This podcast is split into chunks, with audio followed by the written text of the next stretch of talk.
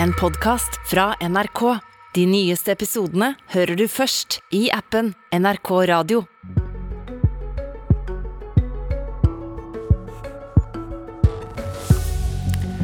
Norge skal nå hente såra ukrainske soldater til behandling på norske sykehus.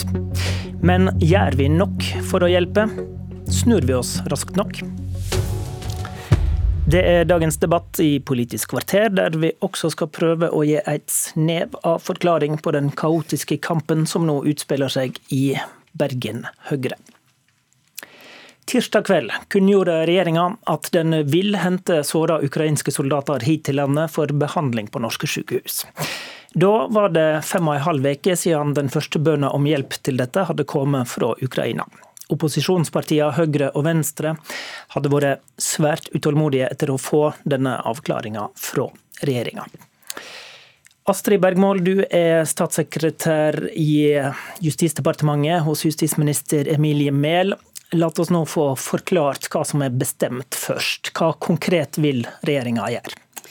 Nei, den Beslutningen betyr jo at vi nå er klar til å ta imot såra soldater fra eh, Ukraina. Eh, vi har jo hele veien vært opptatt av å stille opp for Ukraina. Har vært det fra første stund. Vi har stilt opp med humanitær hjelp, med utstyr, med våpen. Eh, vi har sagt ja til å ta imot ukrainske flyktninger fra Moldova, eh, til å ta imot pasienter, og nå er vi altså også klare til å ta imot såra soldater. Og, hva, og, og hva slags, dette, ja, vi bare tar det ja. konkrete litt først nå. Hva slags pasienter er det vi snakker om nå, da? Er det svært såra, eh, er det hardt skadde? Det er jo såra soldater det er snakk om, men det er ikke snakk om akutt hjelp. Det er jo litt viktig å få presisert, for det kan ofte framstå i denne debatten som om det er akutt hjelp det er snakk om. Men dette er jo snakk om sår, såra soldater som det er mulig å transportere hit. Eh, og det er jo òg bl.a. for å avhjelpe den situasjonen til den medisinske hjelpen i Ukraina og til nabolandene. Er det, er det en gitt type skader vi skal ta imot? Brannskadde f.eks., eller det, kan det være hva som helst? Dette er jo ulike, ulike typer skader som man typisk får som skadd soldat i krig. Uh, og så er det jo sånn at uh, det er en, en, prosedyre for å vurdere disse anmodningene som kommer. sånn at det er ikke vi politikere som sitter og bestemmer en til en hvem som skal komme her, men det gjøres på en skikkelig og ordentlig måte. og Da ser man bl.a. på hva Norge kan tilby, og, og vi har på en måte den kapasiteten og den kunnskapen til å hjelpe på en god måte. Hvor mange skal komme? Nei, Vi har jo sagt at eh, vi skal ta disse såra soldatene innenfor uh, rammen eh, av den ordningen med pasienter. Vi har sagt vi skal ta imot 550 pasienter. Men det er altså både sivile og soldater? Det er både sivile og soldater. og Det vi nå gjør, er jo ta, å, ta de soldatene inn som, på samme måte som man tar pasienter. Så det, så det er ikke satt et eksakt soldattall? Det er ikke satt et eksakt eksakt soldattall, men vi vet jo at det foreløpig ikke har kommet så mange anmodninger som man kanskje først trodde trodde på denne ordningen. Så eh, det, det er foreløpig god plass på den ordningen. sånn at det, okay. det, det, er ingen grunn til å tro at dette blir en, en dragkamp mellom de sivile og de såra soldatene. Men hvis jeg kan få, få, legge til for å forklare denne ordningen først, som, eh, som, du ba meg om, så er det viktig for meg å få sagt at denne beslutningen har jo kommet etter eh, at vi har fått sikra at de rettslige og at de sikkerhetsmessige nødvendige, helt nødvendige vurderingene er gjort. Og det har vært viktig for oss av hensyn til eh, våre grunnleggende nasjonale interesser. Eh, det handler bl.a. om å, at vi unngår å ta imot mennesker som kan utgjøre en trussel for oss. At vi sikrer at de soldatene vi tar imot er ukrainske borgere. Og så har det vært andre rettslige spørsmål som å sikre at det innenfor regelverket og og inkludere militært personell i ordningen med medisinsk okay, så, evakuering. Så, så, dere, har sikret, dere har vurdert om vi blir en del av konflikten da, mot, mot Russland, rett og slett? Blant annet så er det jo viktig å vite at man ikke dras inn i, i den og ikke blir noe større part i den. og Det gjør vi ikke ved å gjøre det her. Men det, å, for, det har vært viktig for oss å gjøre de, eh, de, vurderingene som skal tas. Og jeg mener jo at det å ikke gjøre det ville vært direkte mm. uansvarlig. Når kommer de første soldatene? Nei, de kan eh, egentlig komme nå. Vi står klart til å, ta imot dem. Og så fungerer jo det på den måten at Ukraina tar kontakt med denne europeiske eh, ordningen for sivil beredskap som er en del eh, av. De tar igjen kontakt med DSB, som er kontaktpunktet i Norge. Eh, og så gjøres det en medisinsk vurdering, eh, en sikkerhetsmessig vurdering. Og så når det er på plass, så, så er det bare å komme. Ine Eriksen Søreide, leder i utenriks- og forsvarskomiteen fra Høyre. Hva er du ikke fornøyd med av det du har hørt og hører nå fra regjeringa? Jeg er glad for at regjeringa omsider har tatt denne beslutninga, men det har også tatt eh, nesten seks uker, dvs. Si nesten halvparten så lang som krigen har vært. Det har kommet fire hasteanmodninger fra EU. Og regjeringa har jo ikke klart å bestemme seg verken for hvem som har ansvaret for dette i regjering, eller hva de skal gjøre. Og det var jo først da vi på tirsdag hasteinnkalte justisministeren til Stortinget at ballen begynte å rulle og beslutningene kom. Det mener jeg ikke er godt nok. Eh, og dette er jo ting som haster, fordi de skadde soldatene er altså i en veldig utsatt og vanskelig situasjon. Vi ser at Polen tar imot 7000 skadde soldater. Nå er jo de et naboland, men allikevel så setter de altså opp et opplegg som gjør at de kan ta imot mange raskt.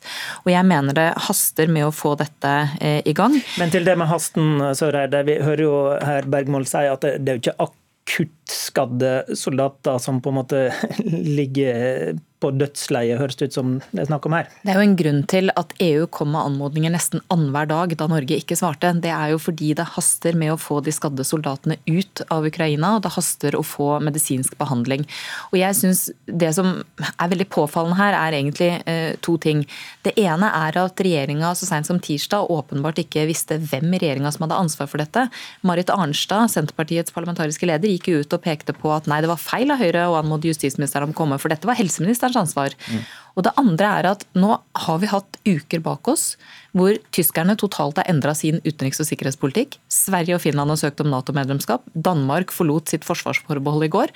Og Norge har altså brukt seks uker på å bestemme hvilken statsråd som skal svare EU. Bergmål, Ukraina spurte oss først 23.4, det er snart seks uker siden. Hva har tatt tid? Det som har tatt tid, er å gjøre de helt nødvendige rettslige og sikkerhetsmessige vurderingene og finne ut hvordan vi skal få sikre at systemene er gode nok for å gjøre disse vurderingene av de som kommer.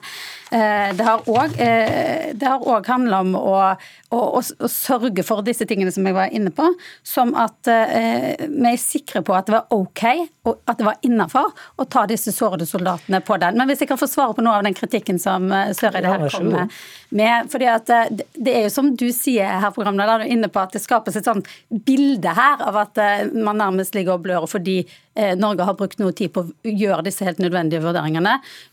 Så, så har det nærmest gått galt. Men det er som du sier, det er ikke akutte plasser. Og når denne europeiske eh, ordningen i, eh, for sivil beredskap ble aktivert, så handler jo det først og fremst om solidaritet med Ukraina og nabolandene, fordi de har et stort trøkk for å avhjelpe den situasjonen. Søreide, eh, og det gjør vi det. Søreide, dette er noe vi ikke har erfaring med. Det er folkerettslig komplekst. Du har selv vært utenriksminister. Eh, eh, hva er galt med å ta seg tid til å gjennomtenke hva vi gjør, og sørge for at det blir gjort på en god måte. Det skal man selvfølgelig alltid gjøre når man får en sånn henvendelse, men det kan ikke gå seks uker. Og det er ikke folkerettslig komplisert å ta imot skadde soldater. Vi sender altså våpen til Ukraina. Vi er på ingen måte part i konflikten, og det å ta imot skadde soldater gjør oss heller ikke til part i konflikten. Det jeg har reagert på, er jo også at regjeringa har brukt som et argument at man ikke skal kunne hente skadde soldater ut fra Ukraina, men fra naboland, i fare for å forverre forholdet til Russland. Det reagerer jeg veldig sterkt på. Vi må gjøre det som er mest praktisk, mest hensiktsmessig, og som får de skadde soldatene raskest til behandling i Norge.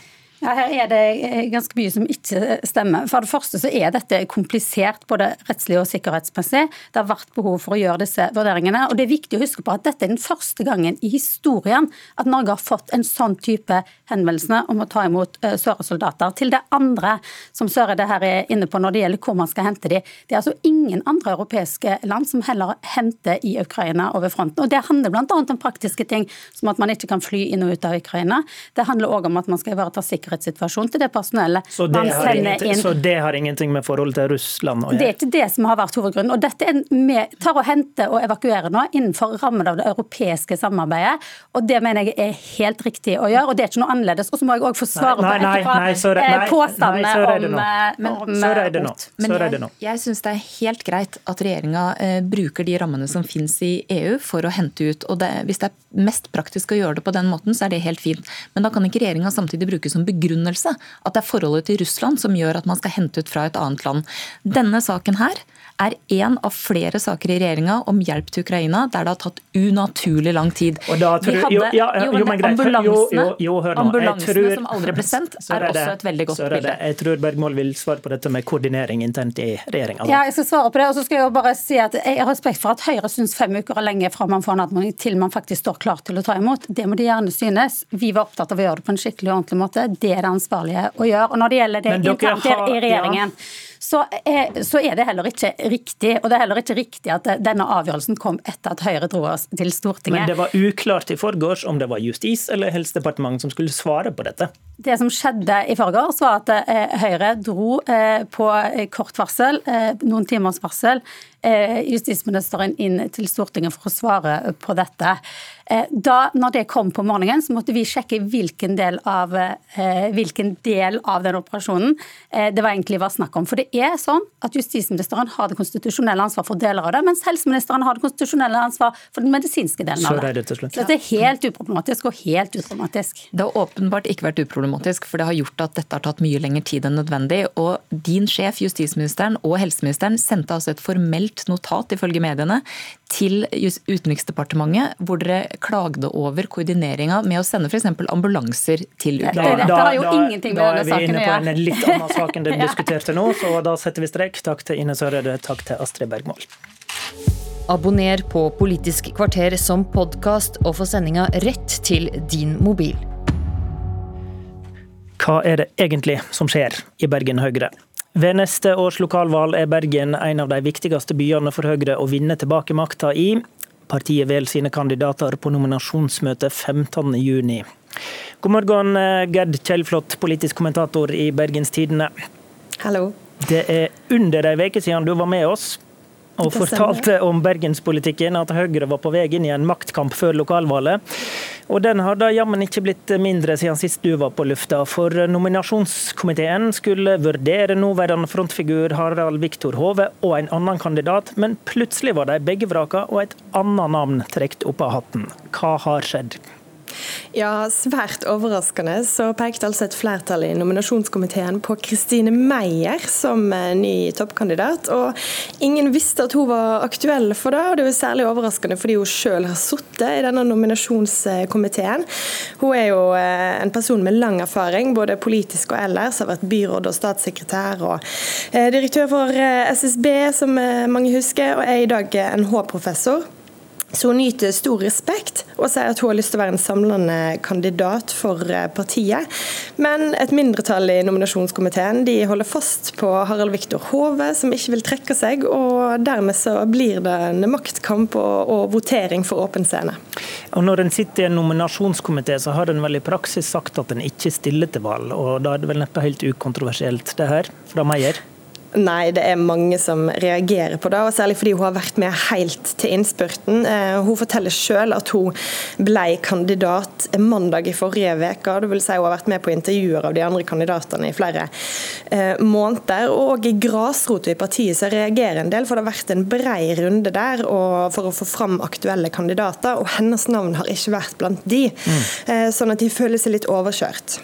Hove har sagt at han tar opp kampen, altså ligger det per nå an til åpen duell på nominasjonsmøtet. Og du skriver at det som har skjedd viser hvor splitta Bergen Høyre er. Hvordan da? Det handler om reaksjonene etter at hennes eh, navn ble kjent. Noen mente at hun på en måte var en redningskvinne omtrent sendt fra oven, mens andre syns dette var veldig uryddig. Noen mener at hun kan være veldig samlende og tiltrekke seg eh, støtte fra andre partier, mens andre er urolig for at hun ikke kommer til å sitte på rådhuset fram til valget. Og så er det veldig ulik oppfatning av Hove. Det- Noen peker på at han er vanskelig å samarbeide med, mens andre mener at dette er et konstruert bilde som eh, blir brukt strategisk mot den. Så det er et eh, delt parti, og det er farlig når det ellers går så godt. Ja, de, men de aviser har jo skrevet litt om dette, dette diskusjonen om hans lederskap. Vil det nå eh, og vi kan jo minne om at Meyer vil mange lyttere huske var i åpen konflikt med finansminister Siv Jensen som SSB-direktør. Vil det nå da komme en kamp som handler om personlig egnethet og lederegenskaper? Det tror jeg mange er spent på og, og frykter litt. For de er jo eh, også urolig for at dette skal rive partiet fra hverandre, og ikke minst skremme vekk velgere. Det er to uker til nominasjonsmøte. Hvem ligger best an per nå, da? Veldig farlig å si. Det kan jo virke som Meyer har fått en god start, men vi må minne om at på det møtet så kommer medlemmer fra hele partiet som har veldig ulike innfallsvinkel. Sånn at ja, vi får vente og se. Det blir nok også stor aktivitet fram mot det. Takk til deg, Gerd Kjellflot. I studio, Håvard Grønli. Du har hørt en podkast fra NRK. De nyeste episodene hører du først i appen NRK Radio.